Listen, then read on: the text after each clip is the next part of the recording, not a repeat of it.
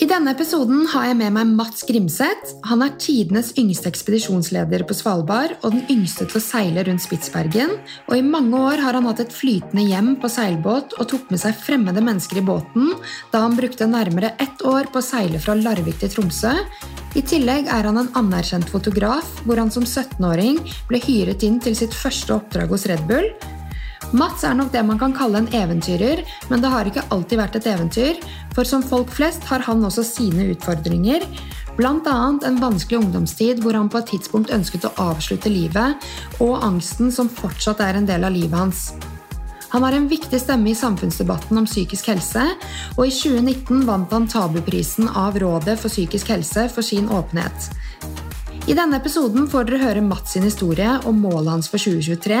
Og jeg kjenner at samtaler som dette gjør meg veldig inspirert når folk som Mats følger drømmene sine, går sin egen vei, men som også deler livserfaringer på godt og vondt. Velkommen så mye til meg, Mats Grimseth. Tusen hjertelig takk. Først vil jeg høre med deg hvordan det oppriktig går med deg, eh, og hva dine tanker rundt det å spille en podkast med en fremmed eh, Hvordan er det for deg?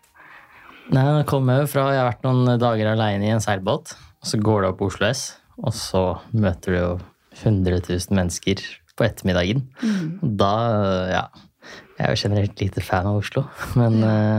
uh, det blir jo det er en helt annen tempo her. Altså. Merker det i mm. kroppen med en gang jeg kommer hit, men samtidig så er det jo fint her, og fine folk og hele den pakka.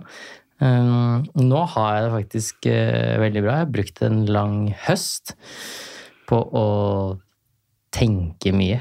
Eh, og gå skikkelig dypt med meg selv. Jeg har nesten vært på sånn retreat, sånn som du mm. ser på folk gjør. Bare jeg var på jobb aleine i Nord-Norge om bord i en båt inni en gudsforlatt fjord. Altså vi snakker en gudsforlatt fjord.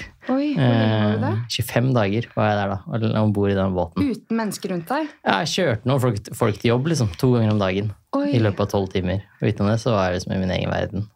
Og da har det vært et hektisk år. Jeg har gjort mye. Og da fikk jeg skikkelig landa. Gikk jo selvfølgelig på en skikkelig smell og var daudsjuk i to uker. Og mm. så eh, kom det seg. Og så har jeg fått eh, pusta litt og tatt ting på avstand. Og gjort noen ja, beslutninger for hvordan jeg skal ha det videre i livet. Og hva jeg egentlig vil eh, oppleve.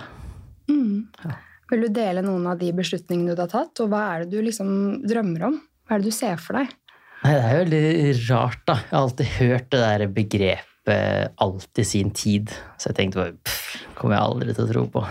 Eh, men nå har jeg jo holdt på i ti år. Så har jeg holdt på med prosjekter. Jeg har blitt verdensberømt fotograf. Jeg har eh, gjort eventyr. Jeg har reist hit og dit og opplevd Altså, jeg har opplevd, hvis man skal tenke på gjennomsnittet av et menneske, så har jeg jo levd flere liv da, på ti år og fått til mye, feila mye hatt sorg, vært såra, gjort alt sammen. Eh, men opp igjennom de åra så har jeg aldri liksom Jeg har aldri hatt en hverdag. Eh, helt siden jeg var 17 år. Da begynte jeg å jobbe, og så har jeg vært på farta. Mm. Så har jeg vært litt et sted, og jeg har bodd i Ålesund i tre år. Det er veldig rart å si at jeg har bodd der, fordi folk ler litt av meg når jeg sier det. For jeg har mer hatt en base. Jeg har vært der litt, og så har jeg fått litt venner. Jeg har jo på en måte venner, men så har jeg bare dratt igjen. Og så når jeg kommer tilbake igjen, så må jeg på en måte starte på null. Jeg har aldri opplevd å ha en sånn, sånn vennegjeng rundt meg. Og det er jo, det er jo min skyld. Uh, mesteparten av det. Det er jo Ja, for det vil jeg høre med deg om, for jeg så du skrev et innlegg om det, at et av mm. målene dine for 2023 er å eh, ha noen, noen, nære relasjoner og spise Være på besøk hos oss kvelden eller eh, mm. på kveldstid. Eh, eller spise en middag med. Eh, men er det bare din skyld, tenker du, at du ikke har hatt det opp igjennom? Nei, altså i ungdomsåra så var jeg utstøtt, da. Eh, da ble jeg jo ikke invitert. Var ikke en av de Hadde aldri en vennegjeng. Fikk du aldri en invitasjon? Nei, det var jo mer sånn når det var liksom mer obligatorisk. Jeg var jo med på noe, og så Det er på en måte der jeg mener er litt min skyld, men etter hvert så gjorde det jo ikke noe at jeg ikke ble invitert, for jeg begynte å jobbe da jeg var 15 år. Mm. Det eneste jeg gjorde, var å jobbe. Og det blei jo en flukt. Det har jeg på en måte gradvis hatt et oppgjør med for noen år siden. At eh, når ting eh, også i voksen alder liksom begynte å krype inn på den, da, så hadde jeg en tendens til å pakke bagen, starte et nytt prosjekt og gønne på og oppnå noe annet. da. Og det er ganske rart å tenke på at det er, det faktisk drømmer om nå, er bare å komme dit hvor jeg ikke føler at jeg må jobbe for å eh, vedlikeholde et vennskap, eller at det, liksom, det kommer av seg selv. Og jeg, liksom, jeg, er, jeg er sjalu på mennesker som har eh, Hvor de bare plutselig sitter tre venner på kvelden, og man bare kommer og går, og man ja, må ikke tenke på det. Og det er ganske brutal sånn kontrast. da. Det jeg drømte om før, var liksom ja, jeg har seilt fem sesonger på Svalbard, Grønland, jeg har ja, stått ansikt til ansikt med isbjørn. Jeg har liksom drømt om å oppnå masse som fotograf. Um, og, men ja, det går litt igjen da. I løpet av de siste ti åra så har jeg jo også ikke tatt liksom ordentlig oppgjør med visse ting. eh, og begynte å ta litt mer oppgjør med hverdagen. Jeg flytta til Ålesund. Eh, Kan jeg spørre hvorfor det ble Ålesund? det var liksom god kombinasjon av jobbtilbud og et forhold jeg var i. Mm. Og så var det litt sånn et godt utgangspunkt, fordi da reiste jeg enda mer rundt som frilans og holdt foredrag, og en time til Oslo og en time til Bergen. Um, og så fikk jeg et jobbtilbud der som båtfører i en periode. Uh, så var jeg i et forhold. Uh, det er på en måte det største steget jeg har gjort for meg selv, var at når det ble slutt, og hun gikk fra meg, så satt jeg i en, i en tom leilighet i Ålesund, og ja, da ble det liksom sånn Da frista det å bare stikke. Mm. Selv om Ja, jeg blei, da, og selv om det var Hun gikk videre og traff noen andre og fikk en hverdag, og jeg, ja Etter hvert liksom eh, eh, kom meg videre, da. Så fortsetter jeg å bli, da, selv om det Ja. Det er veldig sterkt av deg, fordi jeg hører flere og flere bekjente og vennepar av meg og samboeren min som, eh, hvor det blir slutt. Og Mm. hvis de da flytta på seg, f.eks. fra Trondheim til eh, Oslo, så velger de ofte å dra tilbake da, Mm. der de kommer fra. Men du har valgt å bli, men har hatt lyst til å flytte tilbake til Larvik eh, flere ganger, eller? Ja. Eh, og det er det, da. Jeg har på en måte ikke Da kan det være de du kjenner der, har på en måte noe å komme tilbake til. Mm. Jeg er jo så heldig at jeg har jo verdens fineste mennesker i livet mitt. Bare at de er spredt. Eh, og jeg kaller det en flokk. Eh, og noen ganger altså, å se noen av de, og det er sånn eh, ja, relasjon hvor du bare ikke har sett dem på et år, og så fortsetter du som det var forrige søndag. Mm. Eh, og jeg Det er jo det beste, og det er vennskap. det er jo det det er. Ja. Og det er jo liksom Og det er jo sånn um, Det er jo bare at den settinga jeg kom til Ålesund i, og som jeg på en måte starter på nytt igjen med nå, da, er at jeg er voksen. Uh, rart å si, men uh, jeg er i arbeid. Kommer du som student, er du liksom Jeg har vært frilans og har ikke kollegaene eller ja, sånne ting, da, så er det jo Ikke at det er noen unnskyldning, men det er litt vanskeligere, da Mm. å komme inn i det. Men det er jo der jeg fortsetter å prøve, og har jo hatt lyst til å bare stikke av. Og jeg har jo fine venner der, men så er det jo også eh, skal man si, Ikke så mye min skyld, men jeg har jo også ikke alltid eh, hva skal man si, energinivået eh, der jeg ønsker at det skal være, for å kunne være sosial. Eh, og da er det jo noen er det jo sånn at man liksom Man kan ikke forvente at man bare treffer på mennesker og alt klikker med en gang.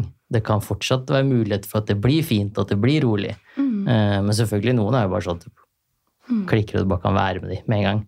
Men du er det- veldig åpen i foredragene dine. eh, Men føler du når du møter nye mennesker at du byr på deg sjæl og er åpen, strekker ut en hånd, viser interesse? Hvordan er du når du møter nye folk? Her kan være helt kontrastfylt, for det er på en måte der eh, Hvis jeg går på en scene, så går jeg en rolle. Eh, hvis jeg går om bord i en båt, hvis jeg møter opp med kamera, så har jeg en rolle, og det er jo det jeg har hatt hele livet mitt. da. Mm. eh, som jeg prøver å liksom gå bort fra nå, da. Og huske å bare være Mats, og ikke Ja, ikke Det gjorde jeg jo ofte. ikke sant? I sånn sosial setting da, så var det folk ville høre om eventyr. De ville høre om ja, foto, liksom, prosjekter. Og det var jo det jeg snakka om. altså Så kom det et punkt liksom Hvem er jeg hvis jeg ikke leverer røverhistorier og ha med kamera? Er det noen som i det hele tatt vil ha meg der? Mm.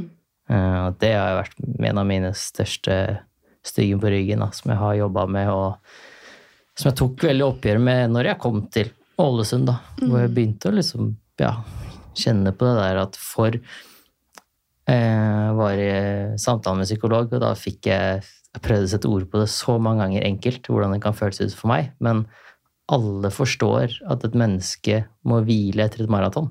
Mm. Eh, Det er helt naturlig. Ja. Og en vanlig tacokveld for meg, hvis det er tidlig relasjon, så kan det være som jeg løper et maraton oppi huet mitt. Og at ubehaget i kroppen er som å løpe et maraton. Mm. Er det angsten din? Ja, det er jo overtenking og det som står på, da. Og da, når jeg, på, når jeg sa det på den måten høyt, da var det som flere som bare forsto at det er bare at jeg må Da må jeg hvile litt. Og så kommer jeg inn i den Endelig ble jeg invitert, da. Mm. Og så har jeg ikke energinivået. Og så tenker jeg bare sånn Kommer jeg noen gang til å klare å oppnå det her? Mm. Og så går du inn i en ond sirkel da, hvor du bare drar deg selv ned. Uh, som jeg brøyt ut fra, da. Og bare Man må bli venn med ubehaget. Eller omfavne ubehaget med kjærlighet. Mm. Eh, og det er ikke alltid like lett. Men uh, det var liksom det største fokus i starten, når jeg følte mer på sosial angst, var at dette skal jeg bli kvitt, liksom. Mm. Og da kom jeg ingen vei. Men eh, jeg skjønte at ok, sånn er det. Hvordan kan jeg håndtere det? Hvordan kan jeg bli venn med det her? Mm. Eh, og det er jo et ubehag som melder seg i kroppen, og det må jeg noen ganger lytte til, og noen ganger pushe. Og så handler det om å finne den balansen, da. Og så får du liksom sånne menneskemøter hvor du bare Folk ser deg, da. Og ingen kan jo virkelig se deg for den du er, hvis du ikke åpner deg om ubehaget. Det er akkurat det, og med en gang man er åpen, så kjenner jo folk seg igjen, fordi dette er jo livet. Mm. Og det er jo derfor selvfølgelig er det interessant å høre om eh, fotograferingen din og reisene dine, og vi skal selvfølgelig inn på det òg, men eh, jeg ble jo veldig mer nysgjerrig på deg og ha deg som gjest, nettopp fordi du er åpen. Jeg elsker det. Altså, jeg blir helt sånn Yes! eh, Vi trenger så sjukt mye mer av det. Og jeg jobber jo på ungdomsskole selv nå og ser hvor mye det trengs at vi snakker om psykisk helse. Mm. Um, men så er det liksom Holder det at man har én undervisning om psykisk helse? Holder det at man får inn en foredragsholder? Hva trengs for at ungdom eh, skal få det bedre? Da? Fordi Mm. på én side så har vi aldri hatt det bedre enn det vi har nå, men på den andre siden så sliter folk mye mer enn noen gang. Så Mm. hva, hva skal man gjøre? Eh, Har du noen tanker rundt eh, hvordan jobber man med ungdom i dag, på en måte? Styrk, gjør de robuste, eh, motstandsdyktige for eh, livets utfordringer? Mm. Nei, det er veldig spennende tematikk, og som jeg har vært inne på mange ganger. Og det er Jeg tror nøkkelen til det er at vi må liksom ta tak i det store systemet, altså utdanningssystemet. Og hvis vi skal være helt ærlige i dag, se på hele flatene. Ja, det er veldig mange som prøver på ting, får til ting. Er, plutselig er det litt psykisk helse i skolen, alt det der. Men hvis vi skal ta det helt tilbake, se på hele A4, dømmearket og liksom utdanningssystemet vi har fra ja, si ungdomsskolen og ut videregående, så er det ingen ungdom som blir forberedt på hverdagen. Nei. De blir forberedt på at du skal ut i jobb. Ok, det er jo en brøkdel. Du skal få en karakter, du skal velge utdanning. De skal liksom Du skal innom, og så skal du videre. Eh, og så er det et stort skille. Det er veldig mange i denne bransjen som ser menneskene som kommer. Og så er det noen som liksom er der for ja, vær så god, neste. Mm. Uh, og jeg har troa på at noe av det vi må gjøre, er å tørre å feile. Og tørre å gjøre endringer. Og må på en måte starte i en ende. Og jeg tror at det er mangel på kunnskap. eh, Og at det må inn tidligere. Mm. Nå ser vi jo liksom Altså, det er ungdommer i niende klasse som dealer narkotika. Ja. Fordi eh, ja, Mm. de har havna utpå, da. Jeg- Eh, Men jeg er veldig nysgjerrig på din eh, ungdomstid, for jeg vet at du har snakket mye om det. Og eh, ja, du har vært med på mye eventyr og gått din egen vei. Eh, superinteressant. Men alt dette startet jo et sted, og du har et hjerte for psykisk helse. Eh, kan du forklare eh, hvordan din oppvekst var? Min oppvekst var jo egentlig veldig fin. Eh, Jeg har jo to foreldre som er politi. Jeg kommer jo fra et hva skal man si, vanlig hjem. Eh, Etter hvert som ble det som var normalen for mange, det var et skilsmissehjem. Eh, Og det har nok gjort mer med meg enn det jeg har trodd. Eh, Det er veldig rart hvordan man Hvordan ting man opplever, kan komme tilbake flere år etterpå. Åh, jeg har kjent så sykt Ja. mye på det. Særlig etter jeg fikk kids. Ja. Ja, føler Eh, og det er sånn eh, ja, siden jeg er åpen ærlig, jeg går jo faktisk til noe som heter gesteltarbeid nå. Eh, som jeg har tatt opp igjen nå, da.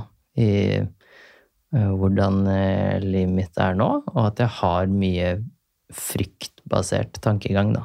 Eh, og det er veldig ironisk at jeg i en situasjon hvor eh, det er snakk om å overleve, det er snakk om reell fare i form av isbjørn, ja, alt sånt, ikke noe problem. Det går helt fint. Mm. Men uh, hvis jeg føler på ubehaget i form av at når man blir forelska, uh, og man ting som har skjedd før, blir brakt til livet, man har blitt ja, fått føle på svik og utroskap, og man har blitt svikta av folk man ser på som familie.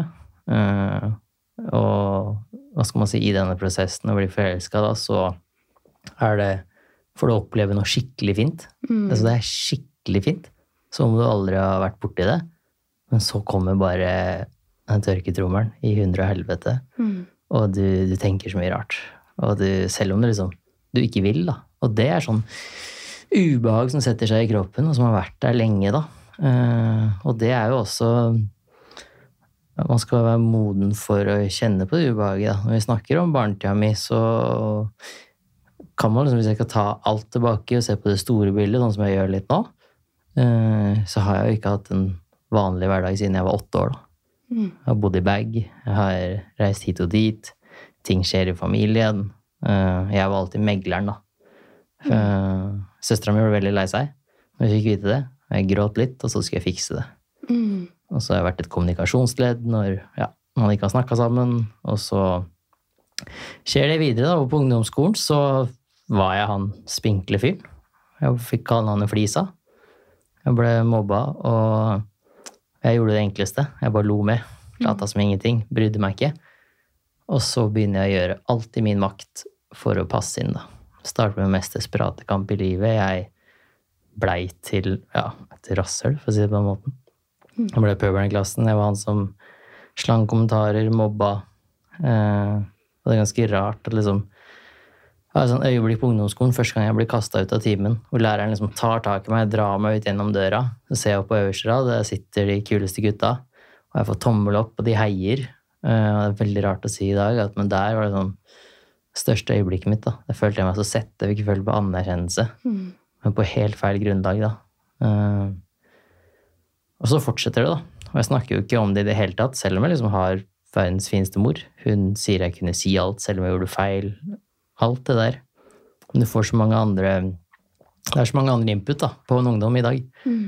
Eh, så var det jo sånn at eh, tøffe gutter de snakka ikke om følelser, så da holdt jeg alt inne, og det er ikke sunt. Og en dag så var det bare en bombe av sinne som gikk av når jeg fikk samme kommentaren jeg fikk hver eneste dag, og så slo jeg ned han som sa det, og ble utvist pga. vold, og sendte BUP eh, og barne- og ungdomspsykiatrien, og da kom jeg for første gang da, inn i et rom til en psykolog. Uh, satt meg ned i en stol, der satt en fremmed mann med penn og papir, og så skulle vi begynne å snakke om følelser. Mm. I starten var jeg bare sånn Hva faen er det her? Og så var det liksom Jeg ble sendt til psykolog. Det eneste jeg visste om psykologer, var at jeg tenkte at nå kom de i hvite frakker og ambulanser, låste meg inn på et rom, og at jeg ble gal. Mm. For jeg hadde jo ikke noe kunnskap om det. Det var ingen som snakka om det. Jeg kan tenke meg det var skremmende på ungdomsskolen. Og vi, på den tiden når, Det er ganske mange år siden du var Ja. ungdom nå, og da snakka vi i hvert fall ikke så mye om psykisk helse. Så det må ha vært litt skremmende opplevelse for deg. på Det var helt, ja, det var veldig rart. Og så begynte jeg da på et eller annet tidspunkt, det var første gang i livet mitt, å snakke høyt. Hvordan jeg egentlig hadde det. Og da kom følelsen, da kom tårene, og jeg skjønte at ok, det jeg holder på med nå, det er ikke bra i det hele tatt. Og jeg skjønte at jeg måtte eh, begynne å omringe meg med de menneskene som likte meg for den jeg var, og de jeg ikke måtte bruke masse energi for å være med. Eh, ok, da, så var det kanskje to stykker da, som likte meg, og kanskje jeg ikke ja, trengte å liksom søke anerkjennelse hos de kule gutta. Og med det i bakhudet, og så fant jeg jo foto, da. Mm. en dag så bare tok jeg opp kameraet til samboeren til pappa. Når jeg tok opp det kameraet, så følte jeg på sånn rar nysgjerrighet. Det var sånn du fant kameragleden, ja. Ja, jeg var så sinnssykt nysgjerrig. Jeg hadde aldri følt på den følelsen før. Jeg var bare sånn Shit, hvordan funker det her? Jeg trykte på en knapp, plutselig tok jeg bilder. Hadde alltid med meg kamera når jeg gikk tur med hunden. Jeg tok bilder av fugler utafor kjøkkenvinduet. Og jeg bare tok masse bilder. Og det var veldig rart. Jeg følte på sånn Jeg var helt oppslukt. Og etter hvert så liksom følte jeg på at når jeg holdt på med foto, så fikk jeg en pause fra hverdagen. Fikk en pause fra Mats som ikke var bra nok. Og jeg kunne bare holde på med det. Og så blei jeg jo litt flinkere og flinkere, da. Så ble jeg tatt opp av lokalavisa. Da jeg var 15 år og fikk fast frilansjobb. Var det, var det Fikk du plass igjen på skolen, eller var du utvist for godt? Nei, nei, jeg kom inn igjen på skolen etter jeg hadde vært hos BUP, da. Um, og fullførte jo der. Kom jeg videre inn på videregående på mer kommunikasjon. Og eneste jeg gjorde ved siden av, sikkert litt for mye, var å jobbe. Um, stakk av i timen hvis det skjedde et eller annet i byen og sånt, for jeg ville ta bilde av det. Uh, og jobba meg oppover derfra, da. Følte du at du kjempet om eh, tilhørighet på videregående også? Det kom noe over en sånn ja og nei. Eh, der fant jeg liksom litt mer fred på Det hjalp ikke at jeg gikk på media, for eh, alle raringene gikk på media. Og så Du gikk på drama. Det. Ja, det tror jeg på. Altså drama. Altså, folk Ja. gikk med englevinger opp i kantina og kjøpte seg mat, så vi hadde det ryktet, da. Ja, ja, ja. Jeg kjenner til de òg. nei, så var det liksom I starten så var jeg veldig på det at jeg skulle sånn passe inn i det der. Bare kom folk fra nye skoler, og du så gjengene, og ja. Så hadde jeg en kjæreste som hadde gått på en annen skole, og så hadde hun en svær venninnegjeng, og der var det jo da selvfølgelig en motsatt guttegjeng, da, og så, ja. Ja, var jeg jo prøvde der sikkert litt for lenge. Og så husker jeg noen tidspunkt hvor jeg bare gikk i det, og så ble jeg venn med noen i klassen. Og to-tre stykker vi spiste lunsj sammen. Mm. Det var hyggelig. Vi gjorde prosjekter sammen. Uh, så det var liksom De satte jeg veldig pris på, da. Um, Men dere hang ikke etter skolen? Det var ikke sånn? nei, det var sjeldent. Mm. Så valgte jeg å jobbe da, veldig mye, fordi jeg ville bli, ville bli god. Ja. Men jeg har lest at du ble eh, kontaktet av Red Bull. Ja. Red Bull! Jeg sa det riktig engang. Ja. Men det må du fortelle om, for det høres jo helt sjukt ut. Eh, Det var veldig sjukt. Noe av det jeg tok veldig mye bilder av, er surfing. Eh, Så var det en som jobba i Red Bull, eh, som surfa der ofte, så han skulle vise bildene mine til sjefen i Red Bull. Og så en dag så ringte da Christian Kjellmann, som var sjef i Red Bull Norge da, og lurte på om jeg ville komme og gjøre et event for de da. Eh, ta bilder på et event her i Oslo. Mm. Da var jeg 17 år, så da mamma alltid heia, latt meg prøve og feile, så da øvelseskjørte jeg med hun til Oslo. Så var vi med på jobb, og så gjorde jeg det eventet, og det var sånn som det var helt sprøtt å komme dit. Da var det proffe fotografer, og jeg var 17 år, det var gratis Red Bull overalt. Alt var bare helt sjukt. Mm. Uh, gjorde den jobben, og så var jeg sånn shit, dette er drømmen, ass. Og så sa jeg liksom sånn Gi en lyd, liksom. Jeg har lyst til å Ja, jeg gjør hva som helst. Ja. Eh, så hørte jeg ikke noe mer, da. Og det som skjedde hjemme i Larvik, da, var jo at hjemme i Larvik så kunne jeg telle på én hånd hvor mange som trodde på meg når jeg sa at jeg ville bli fotograf. Jeg var jo ung, jeg var uerfaren, jeg hadde ingen utdanning. Jeg ble bare møtt med at du kan ikke bli fotograf. Eh, Så fikk jeg plutselig Red Bull bak navnet mitt, Ja. og da var det sånn folk bare, Ok, kanskje han er noe. Ja. Kanskje han kan bli noe. Da droppa fordommene litt, da. Mm. Eh, Så da begynte jeg å jobbe for et lokalt hotell som heter Farris Bad. Jeg begynte å samarbeide med Favoritthotellet mitt! Jeg har vært er- der så mange ganger. Ja, det er nydelig. Jeg begynte å samarbeide med Anja Gro Hammerseng Edin. Mm. eh, Og gjorde alt fra bøker til foredrag og kleskolleksjon. Og eh, de har forma meg mye som menneske. Å få de inn i livet mitt. Og mm, kunne Gjennom de, da, så lærte jeg Jeg kommer fra typisk familie. Det er eh, pappa, mamma, to barn. Mm. Eh, og ikke at jeg ikke har hatt kjærlighet i familien min, men gjennom å være veldig tett på de i en periode hvor de som to mammaer, toppidrettsutøvere, eh, skal få barn sammen. Mm. Eh, det er noe av det sterkeste jeg har stått og opplevd. da. Hvor mye hat de fikk, og at det ikke var mulig, og hvem er pappaen? Det må jo være en pappa. Ja. Ja, At det bare er så mye Og mye av det, sånn som Anja de ofte er liksom rolige på, er at mye av det handler bare om at det ikke er kunnskap. ja, ja, ja. Men gjennom de så fikk jeg liksom oppleve at familie, det er omfanget av kjærlighet du kan gi til noen. Og en ting jeg vil si til noe du sa i stad når, du- når du snakket om kjærlighet, eh, så er det noe som så fint heter at når man velger kjærligheten, så velger man også sorgen som kommer med. Mm. Og det er jo veldig sant. Eh, For hva ville et liv vært hvis man hele tiden var redd for å gå ut i det som var fint? Men Mm. det er alltid Vi går jo hånd i hånd med det jævlige også.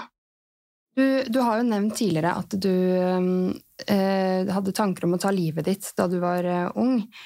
Eh, hva, hva tror du var grunnen til at det gikk så langt? At du ikke ville leve på et tidspunkt? For det første når det kommer til selvmord, da. Eh, Et ord jeg egentlig hater. Eh, For det handler jo ikke Det handler ikke nødvendigvis om å ta livet sitt. Før så var jeg sånn De som tok selvmord, de var noen egoistiske jævler. Eh, Men så får du Så fikk jeg møte mange pårørende. Mennesker som har tenkt det. Og så var jeg plutselig i en situasjon hvor jeg også følte på et ønske, og det ønsket handler jo ikke om å dø. Det handler jo bare om at vi må vi ha ro. Må vi ha en pause. Fordi når eh, tørketrommelen i huet da, går hele tida, og ubehaget sitter så vondt i kroppen at du aldri får sove, Uh, tvilen planter seg, og alle, altså, gardinene bare går ned, og det blir tettere og tettere det rommet, og det blir mer og mer sliten, da handler det bare om at du vil ha en pause. Mm. uh, og du vil kjenne på en ro. Eh, og å tenke på det og snakke om det på avstand i dag er veldig rart. Mm, Men da kommer man liksom For meg så kommer jeg til et sted da hvor eh, Ja, hvor tankene var der ganske ofte, da. Og jeg fått en ro. Og det er jo sånn Man skal liksom ikke slå helt alarm, og det er det jeg prøver å avvæpne litt ved å snakke veldig ofte om selvmord. At liksom, jeg tror ingen går gjennom livet uten å tenke på å kjøre den bilen utfor den brua der. Eller Enig. altså Enig. Det er så jævlig normalt. Og du er ikke, du er ikke suicidal hvis du har tenkt på å ta livet ditt. Du, altså, hviler du tanken hver, hver dag på at ok, sånn skal jeg gjøre det, det, det finner du en ro ved, da er det på tide å snakke med noen. Mm. Uh, men å, ja, å tenke på det og være der noen ganger, da vil ikke jeg Jeg er jo ikke noe fagmann på det, men da vil jeg ikke si at det er suicidal. Det, det er hverdagen, det. Det er livet. Og det er jo mye mer normalt enn det man tror. Mm, og det er også det å kunne forstå rundt det. Jeg har jo møtt veldig mange pårørende. Mammaer og det var en søster som mista tvillingsøstera si. Mm. Hun var sånn i starten bare sånn Hva er det jeg har gjort feil, liksom? Eh, og det er jo ofte i sorg. Man starter jo med å klandre, søke etter svar. Noen ganger så får man ikke svar. Noen blir bare borte. Eh, og da er det jo I sorg så er det så mye plass da, til å både være sint altså Det er helt naturlig å være sint, det er naturlig å klandre seg selv. Eh, men det man må vite, og som er vanskelig å tenke på, er jo at det mennesket har tatt et valg. Og når det mennesket tok det valget, så akkurat i det øyeblikket da, så er det ingenting som kunne endra det. Nei.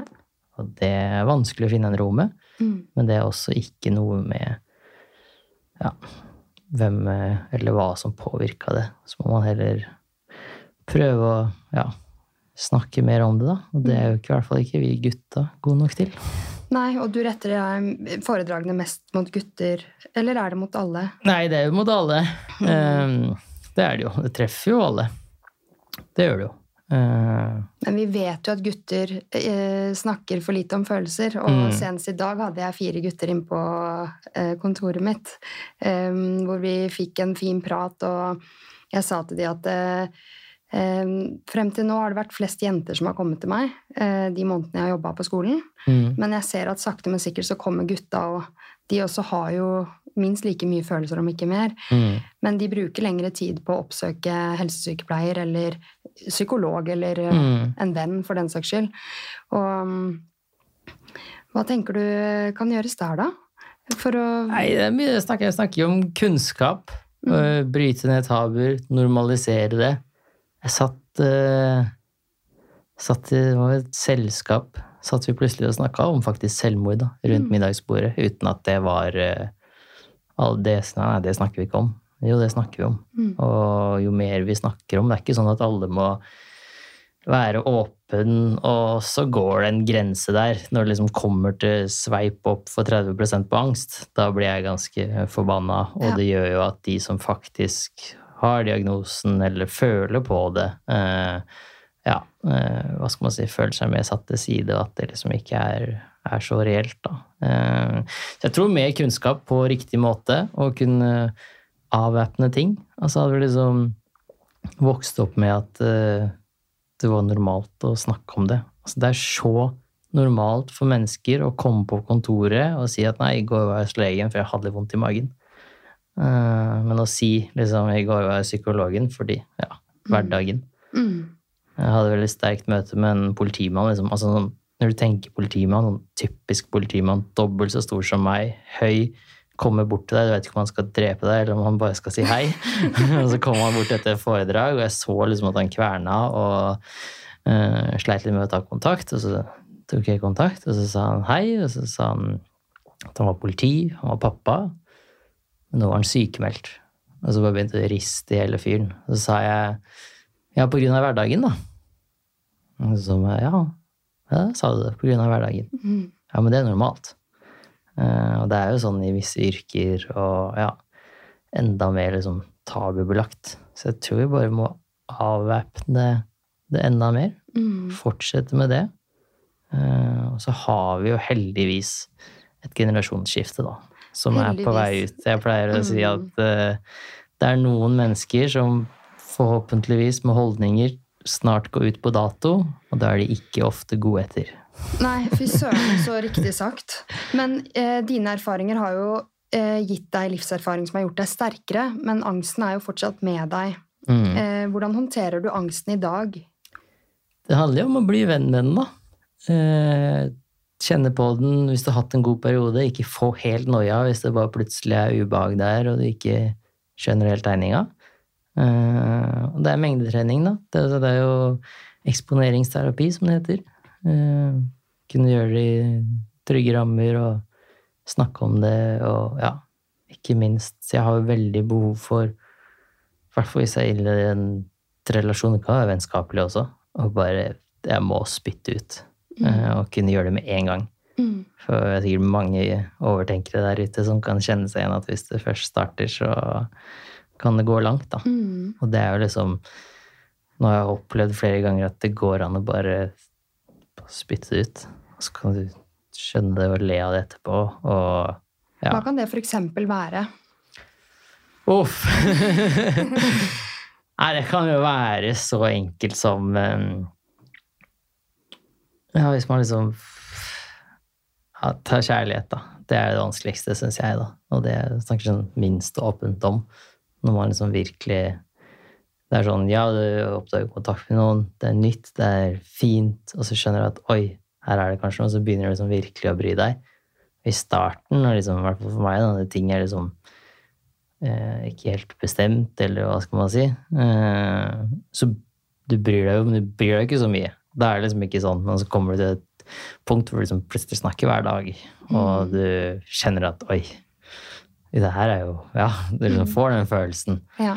Uh, så er det så teite ting som at jeg har opplevd mye um, svik i form av uh, familie- eller vennskapelig relasjon som har blitt en familierelasjon, hvor mange har snudd ryggen og ja, vært utro, og alle som har vært gjennom det der. Hvor noen som egentlig skal være så glad i deg, bare lyver deg i trynet, Mm. som om det ikke var noe. Eh, så er jo det noe man må friske opp i, da. Ja. Eh, Så jeg pleier å si i hvert fall kjærlighet er det fineste, vondeste man kan oppleve, da. 100 Eh, I hvert fall i starten. Og da, for meg, så kan den enkleste ting spinne rundt. I mm. hvert fall i starten. Jeg trenger bare trygging. Men det, er jo, altså, det handler jo om relasjon. Mm. Det er jo, mer jeg har levd, jo mange flere mennesker jeg har møtt. Eh, altså min kunnskap kommer jo mest fra de historiene jeg har hørt. Ja. Eh, og da har jeg forstått at altså, en relasjon, å ha en dårlig relasjon til noe, det kan man fikse over tid, da.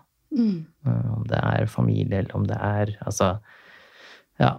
Eh, En av mine beste venner er jo et nydelig eksempel på det. Are. Han er jo nesten 50 år snart. Han har brukt over 30 år på å være rusavhengig og kriminell. Brent alle bruer i hele livet. Nå har han dame som har barn fra før. Han jobber for eh, Nav, liksom. Kommunen. og er eh, erfaring der, da. Han kan Mm. komme med en erfaring ingen sitter med. Og starter å bygge opp igjen et helt nytt liv, da. Mm. Sånne historier elsker jeg.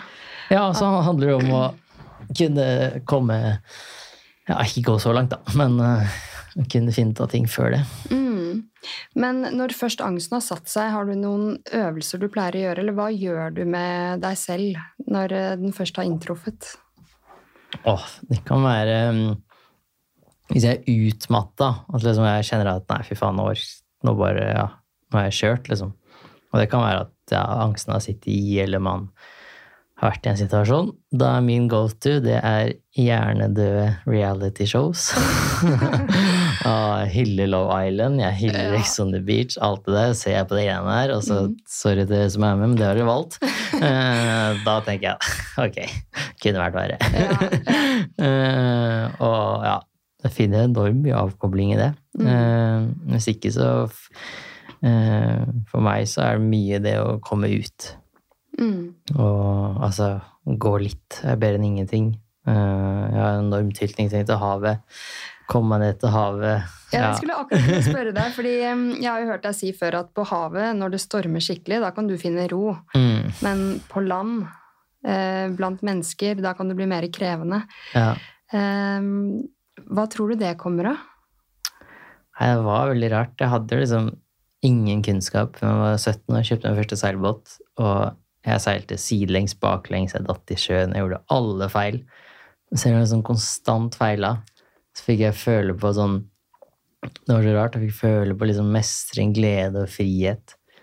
Og så fikk jeg føle på at om bord i seilbåten så var det min verden.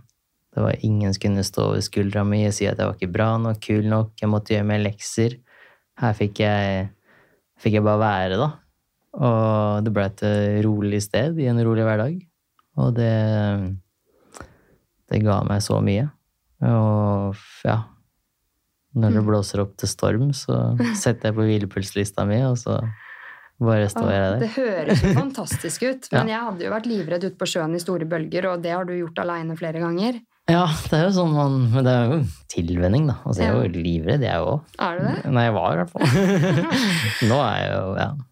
Det er også sånn det er jo, Jeg er jo litt ekstra Det er en situasjon må være skjerpa i, da. I hvert fall i mange situasjoner. Og så har jeg jo seilt hvor jeg har ansvaret for menneskeliv. Og hvis du kommer i visse forhold, så er det sånn Gjør du én feil, så kan du ta livet av alle om bord. Mm, Og da tenk på det. Ja, da slapper jeg av, eller da, da Ja. har du fokus, da. Vi skal tilbake til det med seilingen etterpå, for det er også kjempeinteressant. Men jeg lurer på, siden du holder foredrag, eh, hvordan oppleves, det for deg å holde foredrag når du har angst? Det er litt det jeg snakka om i stad, at det, det går på en måte inn i en rolle.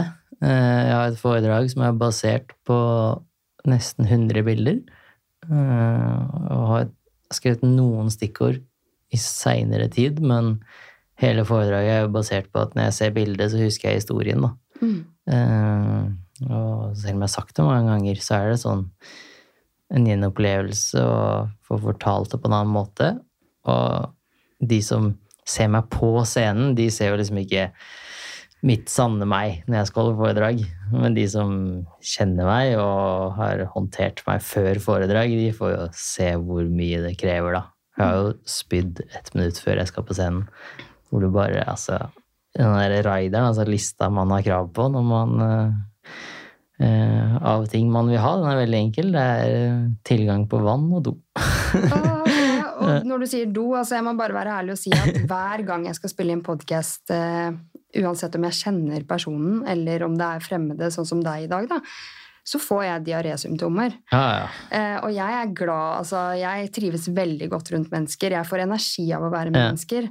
Eh, så jeg kan bare tenke meg at det er eh, Du går virkelig ut av komfortsona da, eh, med den angsten du har, da, og står på en scene foran så mange. Mm. Herregud. Men det virker så enkelt for de som holder foredrag på en måte. Det virker som de er så trygge og liksom Dette nailer de. Ja, Altså- jeg ser jo veldig trygg ut av det. Jeg får aldri høre at det er noen som tror at jeg ikke Ja, liksom, De tror ikke på meg da, når jeg sier at jeg sitter på dass i en halvtime. Eh, Men eh, så er det starten av foredraget. Skal jeg gjennom det kjipeste i livet. Og så går vi videre, og så blir det en reise, og så får man etter hvert forhåpentligvis en eh, kobling med publikum, man får respons, og så er det nice. Og så lever man litt på det kicket, og så etterpå så går jo adrenalinet ut, da. Og da er sigen for dagen. Ja, det kan jeg tenke meg. Men hva er målet med foredragene? Er det at folk skal tørre å leve sine drømmer? Um, og kjenne seg igjen i, i særlig det med din ungdomstid? Uh, hva ønsker du at de skal sitte igjen med, de som hører på foredragene dine? Jeg har sagt til meg selv at uh, så lenge det er én person i rommet som tenker at ok, de er bra nok sånn som de er, da er det verdt det, da. Mm. Og det er egentlig det. Er egentlig det. Mm. Jeg, vil bare, altså jeg har jo ikke fasiten på noe, jeg heller.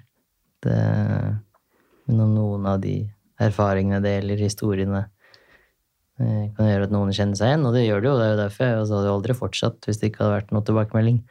Um, så det er kanskje det sterkeste, at et helt ukjent menneske aldri har møtt deg, hørt på deg i 50 minutter, kan komme ned, gråte, gi en klem, eller bare si takk. Mm. Det er, ja, det er noe av det mest spesielle jeg opplever. Mm. Har du noen tips til folk som ønsker å gå sin egen vei? Fordi din reise har jo ikke vært en sånn typisk ungdomsreise. det har du ikke. Og den, den er jo så inspirerende, det du har gjort. Du har jobba Mm. skikkelig hardt og gjort ting som ingen har gjort, føler jeg, da. Ehm, Det at du var en av de yngste ekspedisjonslederne på Svalbard. Ehm, Du fikk seilbåt når du var 17, eller kjøpte deg seilbåt da. Ehm, Holde foredrag, altså. Det er jo ikke en normal ungdomstid. eh, Og veldig mange har sikkert en sånn passion inni seg som de ønsker å få ut, men så tør de ikke å, å gjøre det. Eh, For veldig Mm. mange gjør bare det alle andre gjør, og særlig i ungdomsårene. da Mm. merker bare hvor avhengig elevene på ungdomsskolen er av hva gjør vennen min. Mm. Hvilke valg er det han tar eller hun tar? Så gjør det det samme. Jeg er jo inne på det der, da. Man må ta visse valg. Og det kom jo noe godt ut av at jeg ikke ble invitert til alt, da. Fordi da brukte jeg tida på å jobbe. Og det krever jo noe. Altså, du må jo Du må jo ofre. Mm. Og det har jeg gjort på mange måter. Jeg har ofra tid og gått all in, da. Det spørs jo helt hva du vil oppnå. Eh, Men eh, mye av det, og så er det jo liksom begrensa. Altså, jeg kunne ikke ha funnet ut av, selv om jeg hadde fått enda mer god input og sånn, så hadde jeg ikke funnet ut av alt det her når jeg var 14 år, liksom. Eh, Men eh, hvis man, ja, om det er fotballspiller eller hva enn det er, da, om det er gaming eller eh, Så må man, man må bare stå på. Mm. Og ikke være redd for å feile. For herregud, hvor mange ganger jeg har feila. Mm. Og ja, det har gått undas, og man har følt man ikke klarer det, så må man bare fortsette, da. Og det er jo det vi må. Vi må bare fortsette å prøve. Om det er å fikse en relasjon, om det er å møte opp på jobb, om det er å tørre å gå på butikken. Mm. Så man må bare fortsette å prøve, og ikke være så hard mot seg selv, da. Ikke minst omringe seg med de, de som kan forstå, da. Og det tror jeg mange, i hvert fall på den alderen jeg er nå, når jeg er 27 år, tror jeg mange er sånn Se på eksempel vennskap, eller man kommer til et punkt hvor bare sånn Hvorfor henger jeg med de her nå, liksom? Jeg Altså, har hatt mange sånne i 2022. ja, hvor jeg bare sånn Ikke mange, men noen. Ja, hvor du bare kjenner at ok, dette gir, gir meg egentlig da gidder jeg ikke, egentlig. Og det er sånn, ja, jeg brukte jo sinnssykt mye tid på å Jeg fikk den veldig tidlig, da. Hvor jeg ble selektiv på hvem og hva jeg bruker tida mi på. Mm. Så jeg tror det har vært en av mine største styrker. Eh, Og det er brutalt noen ganger. Eh, Det har jo vært familie. Det har jo vært, altså Jeg har jo reist siden jeg var 17 år. Mm. Men eh, ja, jeg ville bli best å oppleve, og det fikk jeg jo til. Men det har jo kosta. Se på meg nå, da. Nå sitter jeg her og prøver å oppnå hverdag, sånn som 90% av alle andre mennesker har, da. Altså de som typisk er i den det A4-hverdagen, da. Mm. De ser jo på meg som et alien, liksom, som har fått til alt som de liksom, noen ikke tør å drømme om, eller ja. Mm. Og så sitter jeg og bare Ja, men faen, jeg vil, opp- det. Ja, jeg vil Ja. oppleve det du opplever. Eh, så det er veldig rart, det der. Mm. Eh, Så det kjenner jeg jo på nå, men eh, jeg kjenner på alt jeg har opplevd og fått til, og mennesker og ting jeg har bidratt til.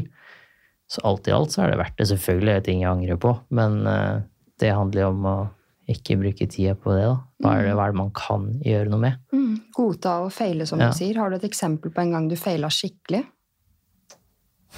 Ja, det var mange. Som, som ble, feilingen bidro til læring, da.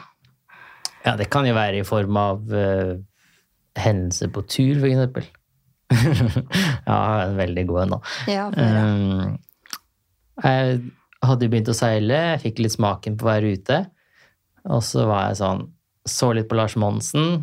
Så tenkte jeg fy faen, altså nå nå skal jeg, bli, jeg, skal, jeg skal krysse alt som kan krysses. Jeg skal gå hele pakka. Så var jeg sånn Ok, jeg må starte et sted. Så jeg gikk inn på sånn fancy sportsbutikk. Jeg kjøpte meg fancy sekk, fancy telt, fancy sånn der eh, real turmat, sånn frysetørka mat man kokende vann oppi. Kjøpte jeg sånn jetboil, koker opp vannet på sekunder. Sto det, jeg følte meg jo som Lars Monsen. Jeg gikk ut derfra. Mm. Gikk opp i fjellet, opp i Romsdalen, helt aleine i åtte timer. Satte opp det teltet som det var en teltreklame. Tenker bare sånn, hva er det folk liksom klager på? Dette er jo easy, jeg er jo født til det her. Ja. Og det var så nice. Sol og hele pakka. Så ble jeg litt sulten, da. Så begynte jeg å lese på den real turmaten. Og så leste jeg litt på den jetboilen. Og så skjønte jeg det at det var jo for faen ingen i den sportsbutikken som sa at jeg trengte gass for å koke vann. Så da satt jeg der, da, helt alene oppe i fjellheimen, gått i åtte timer med helt tørr mat.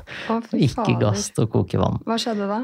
Spiste du tørr mat? Nei, da må du jo finne en løsning, da. Ja. Eh, Så jeg fikk litt lunka vann i et sånn bitte lite bål, for det blåste jo stiv kuling i tillegg. Og spiste sånn, hvis noen har spist det før, så veit jo jævlig det. Det var sånn halvklumpa real turmat. Ja. Og det, det lærte jeg av.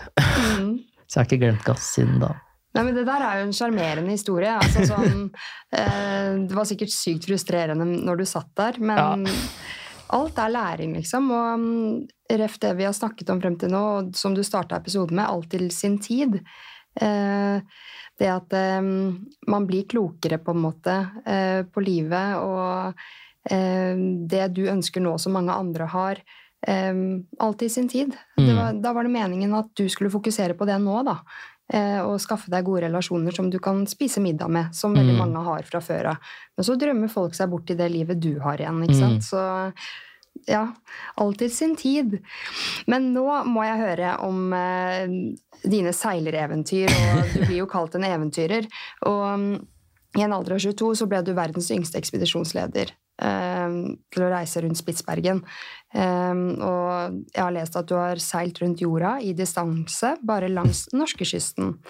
Eh, hvordan ble denne veien til? At du liksom har gjort det? Nei, det var det at jeg tok et år hvor jeg seilte og pussa opp en seilbåt. Jeg hadde en drøm om et flytende hjem og fotokontor. Eh, Så begynte jeg å seile fra Larvik. Jeg hadde ingen plan. Jeg kunne så vidt seile, så jeg måtte lære meg det først. Og så hadde jeg lyst til å ha åpen seilbåt. Samme hvem du var, hvor du kom fra, hva du kunne. Om bord hos meg skulle alle være velkommen. Så spredde dette seg. Eh, de to første som tok kontakt Første var Eva på 28 år. Hun var fra Østerrike. Aldri vært i en båt før, hadde lyst til å oppleve Norge. Hun kom, blei med fra Bergen til Florø. Jeg kunne jo så vidt engelsk og skulle lære hun å seile. Og i løpet av de to ukene så skjedde et eller annet med henne, og hun eh, fikk oppleve en helt ny drøm, da. Så flytta jeg til Oslo, lærte seg norsk og fikk seg ny jobb. Oi. Og så hadde jeg med meg Mikkel. Han var eh, 20 år, tror jeg. Gikk på studiet, var drittlei, trengte en pause. Var med i to dager fra Bergen til Sogndal. Og så gikk han av der fordi han var så dårlig. Og så fullførte han studiet og flytta til Sogndal. Og starta på nytt studie der. Og i løpet av den reisen langs kysten da, så fikk jeg oppleve helt fantastisk natur. Og det var bare så vilt å ha naturen som bakgård. Jeg fikk møte mennesker du ikke møtte i gata. Eh, Det kom liksom til små tettsteder, så det var folk som banka på båten og lurte på hvem jeg var. Og Mm. plutselig så snakker du to timer i kassa på, med han som jobber i kassa. Liksom. Mm. Ikke sånn som her i Oslo, så du tapper noen på skuldra, så tror du skal skyte dem. Ja. Så det Nei, det Ja, var men det eh, ja, ja, det var bare helt vilt å komme ut der. Den gjestfriheten. altså Én ting var å oppleve naturen, og vanvittige naturøyeblikk. Men gjestfriheten, den var helt sprø. Og det var så fint å kjenne på det. Og ikke minst at jeg kunne bidra til at andre kunne oppleve sine drømmer. I løpet av det året så seilte jeg fra Larvik opp til Tromsø og tilbake igjen. Og i løpet av det året så hadde jeg med meg 45 mennesker jeg aldri hadde møtt før de sto på kaia. I ditt eget hjem, da. Ja, fordi jeg ville prøve å legge fordommene til side og møte mennesker sånn som jeg ville bli møtt.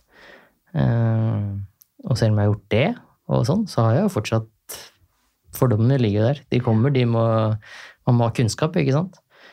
Eh, før så hadde jeg ikke kunnskap om homofile når jeg var ungdom.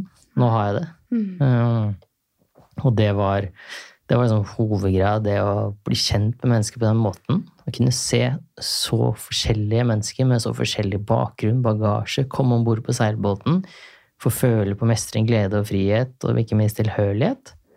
Det var veldig sprøtt og fint. Så da tok jeg utdanning, sånn at jeg kunne jobbe med det her kommersielt. da. Altså Mm. proft og ta med betalende gjester på seiltur langs kysten hele året og på ekspedisjoner. da. Alt fra ski og seil til sommerturer til festivaler og ekspedisjoner om sommeren. da.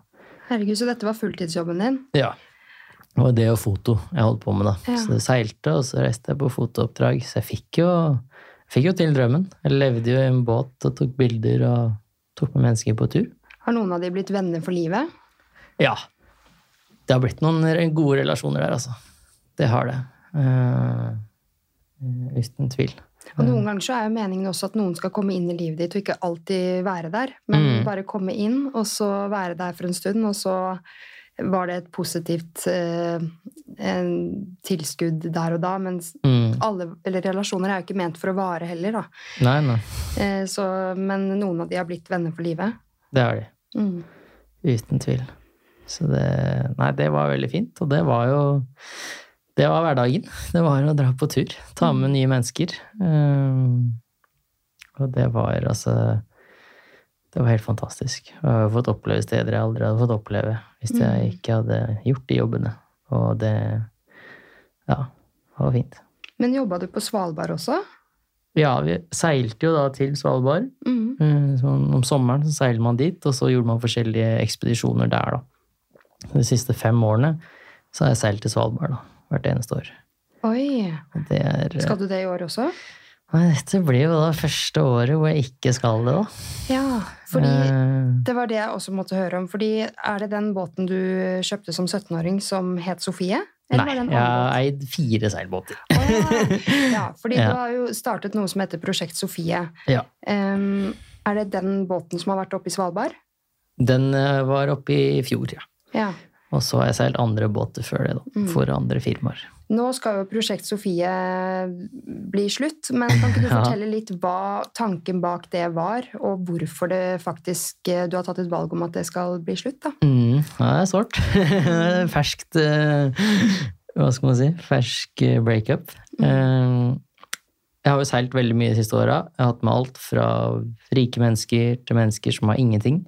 Eh, Og det å se de møtes og komme på en seilbåt, så blir mennesker medmennesker. Du blir del av et lag. Det er samme hva du har på konto, det er samme hva du har i din mentale bagasje. Alle funker sammen.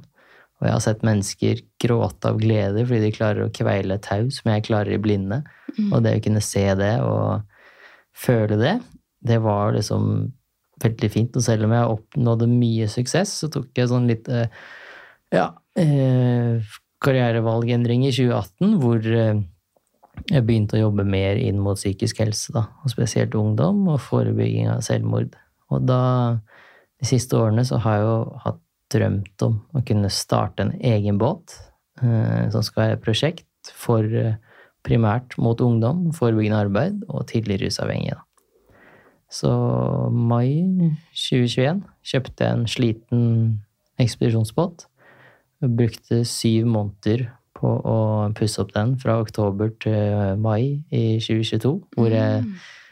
ikke gjorde noe annet enn å pusse opp den båten. Jeg fikk god hjelp, men jeg levde på en liten madrass i et kjøkkenhjørne. Det eneste jeg gjorde tolv timer om dagen, var å pusse båt. Mm. Og ja, investert flere hundre tusen. Og fått gode investorer, folk som støtta prosjektet. Allerede i oppussingsdelen så blei det et prosjekt jeg drømte om, da. For da kom det mennesker fra alt fra folk som var i jobb, som ville bidra, til eh, ja, noen på min alder som trengte en pause, som var med der for å pusse opp og holde på. Og da blei det liksom eh, Det blei til et prosjekt eh, som bare blomstra etter hvert, da. Og hovedmålet med prosjektet var jo å kunne ha midler til å ta med de som ikke har midler. Mm. Ta de med på seiltur. Men samtidig så ville jeg jo utdanne unge skippere og ja, kunne gjøre samarbeidsprosjekter. Eh, Så nå er jo båten aktuell i en eh, film med Nicolai Schirmer som heter Wavy 2 Ah. eh, som ligger ute på YouTube. Det var det første prosjektet vi gjorde. Da var det seile opp til Svalbard. Gjorde en skifilmproduksjon der, da. Noen av Norges beste skikjørere. Ja. Som også fortalte litt om historien til prosjektet, da. Mm. Og i sommer så har vi gjort eh, konsert, flytende konsert oppe i Nord-Norge med Emma Jensen, og jeg hadde med veldig hadde en veldig fin tur eh, nå i høst, som har blitt en kort dokumentar som kommer ut i løpet av året. eh, Hvor vi eh, kommer ut på Altibox, heter det. ja, godt norsk på Altibox. Eh, Og der eh, var det mm, Der var det liksom noen av de som representerte de jeg ville ha med, da. Det var en ung jente som har opplevd eh, overfall. Og så var det en som har bodd på gata hele livet. Og så var det eh, en til da, som også har bodd mye på gata. Og ville få de om bord i båten, ta dem med på tur.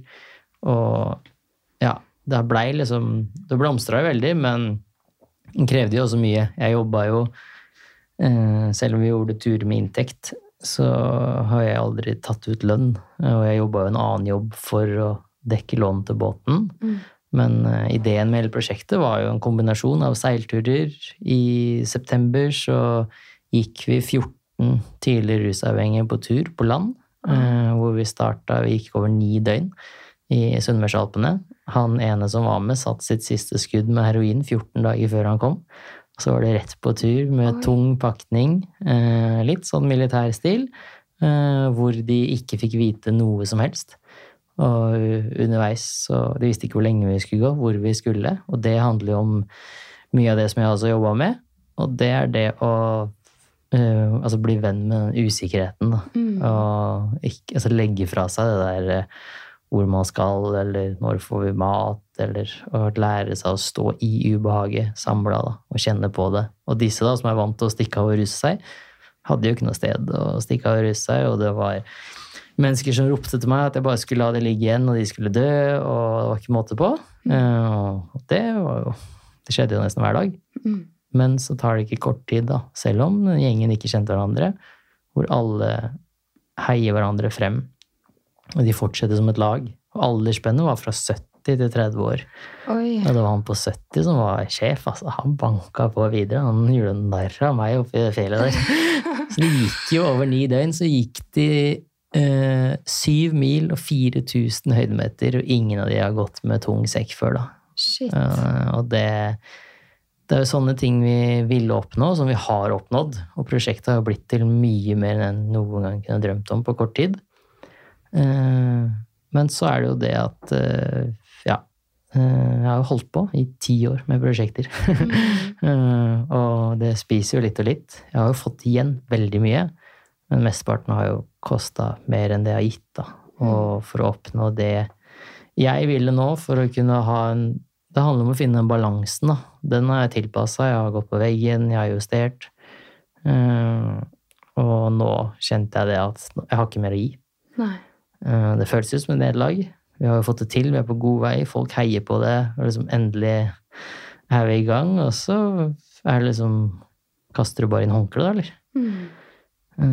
Men så er det jo heldigvis folk som forstår at liksom det, ja, det krever mye, det valget her, da. Mm. Og har gått mange runder. Man skal se på talla, kommer ikke unna de talla. Og man skal se på neste år, får jeg det til å gå opp all min tid. Um, og jeg har aldri hatt en jobb hvor jeg går fra jobben, uh, så tenker jeg ikke på jobb mer. Nei. Uh, tenker på neste prosjekt og planlegger. Altså det henger der hele tida.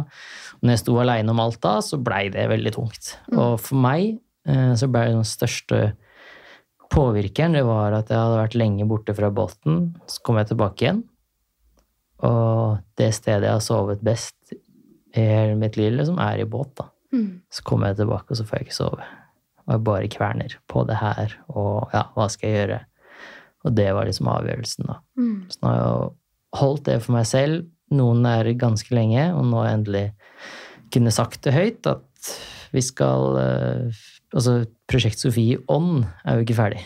Eh, Jeg skal selge båten. Jeg er jo ikke ferdig med å jobbe med ungdom og tidligere rusavhengig. Jeg vil bare gjøre det eh, på lag med andre. Jeg har vært på lag med andre, men ikke hvor jeg må holde i alt, da.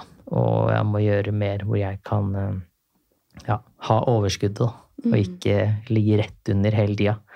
Eh, For meg for fem år siden hadde jeg gitt blanke faen. Jeg hadde bare peisa på. Dette klarer jeg. Så hadde jeg gått på veggen til du ikke klarer mer. Eh, Men man lærer jo sakte, men sikkert, da. Og det, det er jo ganske stort. Jeg har jobba hele livet mitt for å få det til. Man skal liksom bare gi opp. Eh, Men det er jo der man eh, Kroppen sier ifra, da. Ja. Eh, Man skal faktisk lytte til signalene, og det er veldig interessant at man tror man har en drøm, og du har jo fulgt drømmen din. mm, Men jeg tror vi låser oss fast at sånn skal det være hele livet. Men livet er jo dynamisk, og vi Mm. endrer oss, og vi endrer tankegang. Og når du plutselig ender med å ikke få sove der hvor du har sovet best, så er det et Og hvis det skjer over tid, da, så er Mm. det et eh, stort tegn på at man kanskje skal lukke en dør og åpne en annen.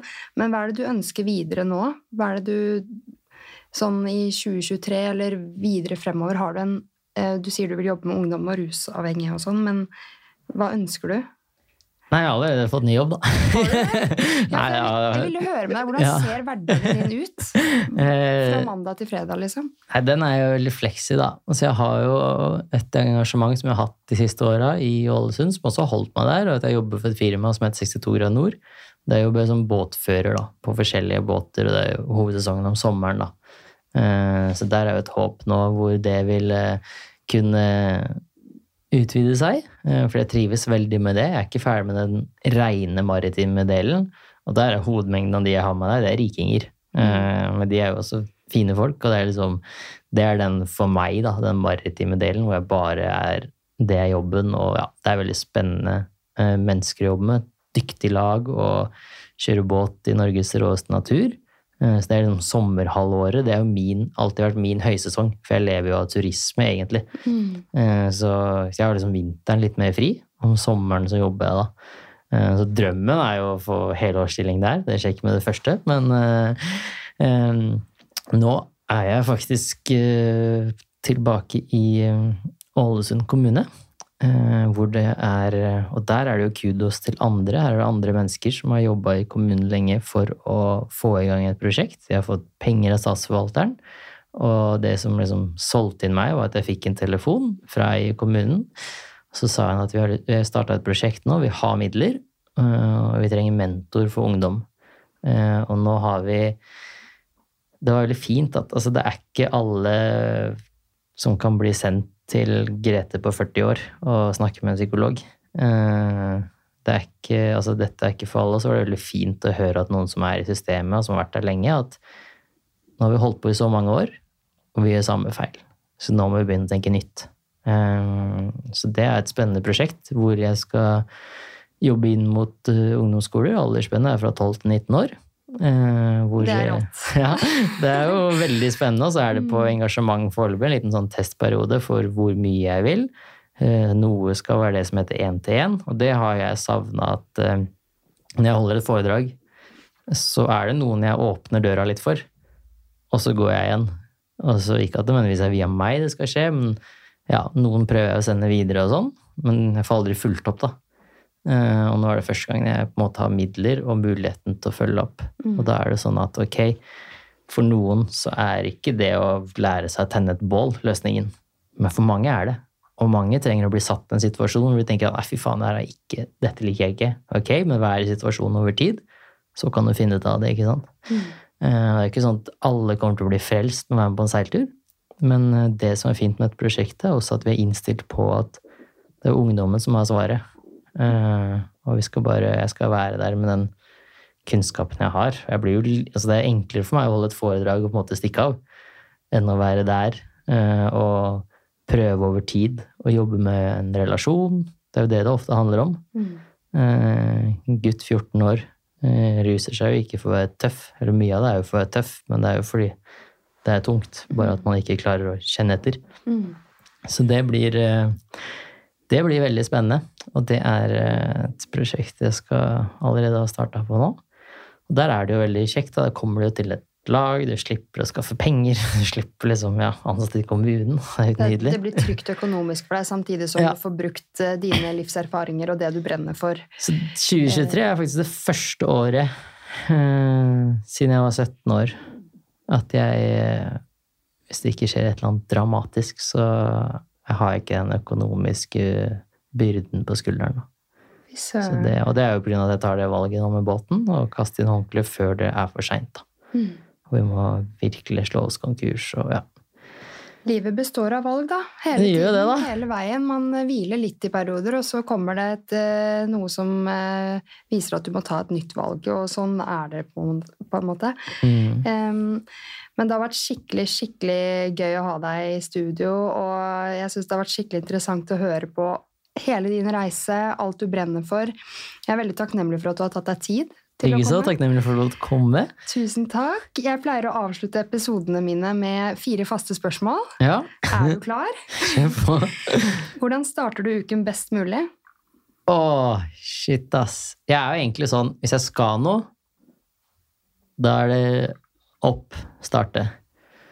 Men uh, jeg er også sånn som kan stå opp eh, Jeg skal starte åtte, da. Står jeg opp sju, lager meg frokost, ser en episode av et eller annet, helt rolig, og så starter jeg. Mm. Drømmen er Det høres veldig rart ut, da, men det er hvis det er perfekte forhold til å gå tur hvor du får soloppgangen på toppen. Ja. Ja, en sånn topp som ikke Ålesund, har ikke de litt sånn høydetopper og sånn? da? Jo, jo, men du har en topp som er ganske nærme, som går veldig ofte. Ja. Bruker du 40 minutter opp og være der på toppen da og kunne oppleve soloppgangen. Ta med kaffe i en termos. Ja, altså da Det er optimalt. Ja. ah, nei, men Det hørtes ut som en fin start. Eh, hvordan snur du en dårlig dag om til en god dag? Oi. Eh, det kan jo først være at liksom, noen ganger så er det bare. Noen dager er det bare faen, ass. Dette gidder jeg ikke. Eh, så spørs det på situasjonen. Eh, starte med å anerkjenne hva er det. Er det egentlig så big deal? Er det egentlig så ille? Eh, ring en god venn. Sette på en hjernedød-serie. Det er min go to, altså. ja. Ah, hva er du takknemlig for? Åh, det er mye. Det er uh, uh, veldig takknemlig for de som har, som har vært med på reisen min hele veien. Og de jeg er så heldig å få lov til å bli kjent med underveis.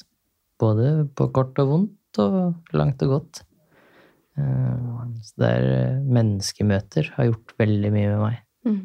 Så det er jeg takknemlig for. De, og ikke minst å kunne ha heller få skikkelig gode relasjoner enn mange, mange man jager, da. Bra svart, og man klarer ikke å opprettholde mange relasjoner og pleie de. Så um, de som, det er bare en utopi at alle har en kjempestor vennegjeng. Ja, det- Eh, det stemmer ikke, tror jeg, da. Det travelt ut. ja. eh, hva inspirerer deg? Mennesker! ja, men på ekte. Jeg har, altså, sånn som jeg snakker om, jeg snakker om Are, som har ja, snudd om livet som ingen kan føle på utenom han. Uh, ja. Det er gutt 13 år som tør å gå fram til en fremmed mann og spørre om en klem. Nei, det er mennesker, altså. Det fins så mye ikke sant? Bare lære seg mangfoldet av mennesker. Altså, når jeg, Mats 15 år, da, 17 år, trangsynt, ikke sant. Hadde ikke kunnskap om Jeg var jo en av de idiotene som Det var jo sånn i guttegarderoben, hvis du så for lenge på en gutt, da var du homo. Mm. De kasta det etter seg. Altså, de kasta det og en form for liksom kjærlighet. Altså, det er sånn Tenk på det i dag. Jeg hadde kverka meg sjæl. Mm. Uh, bare det at um, Ja. Det at man etter hvert kan bli inspirert av mangfold av mennesker og bli kjent med mennesker og kunne stå på en topp i sommer og holdt uh, min første pride-appell uh, for 500 stykker på Inni-rock. Oi. Og så er det veldig sterkt, for det står jo meg også nært. Uh, og så holder den appellen og er ferdig. Det var nydelig. Folk gråt alt sammen. Og så går jeg ut på sida, og så da bare knekker jeg jo helt, da. Og da kommer det en helt fremmed dame bort til meg, da. Hun bare holder meg som om hun var mamma, liksom.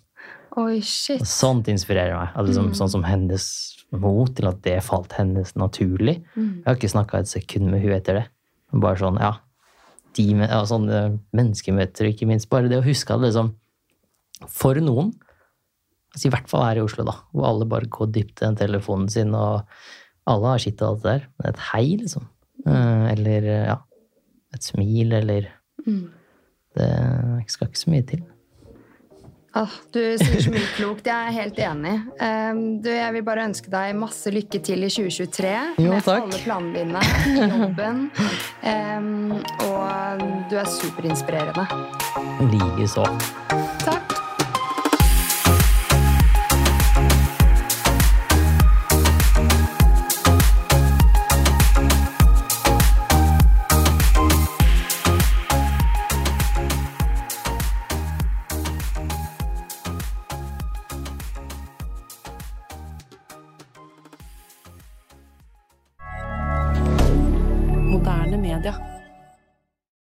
Har du et enkeltpersonforetak eller en liten bedrift? Da er du sikkert lei av å høre meg snakke om hvor enkelt det er med kvitteringer og bilag i fiken, så vi eh, gir oss her, vi. Fordi vi liker enkelt.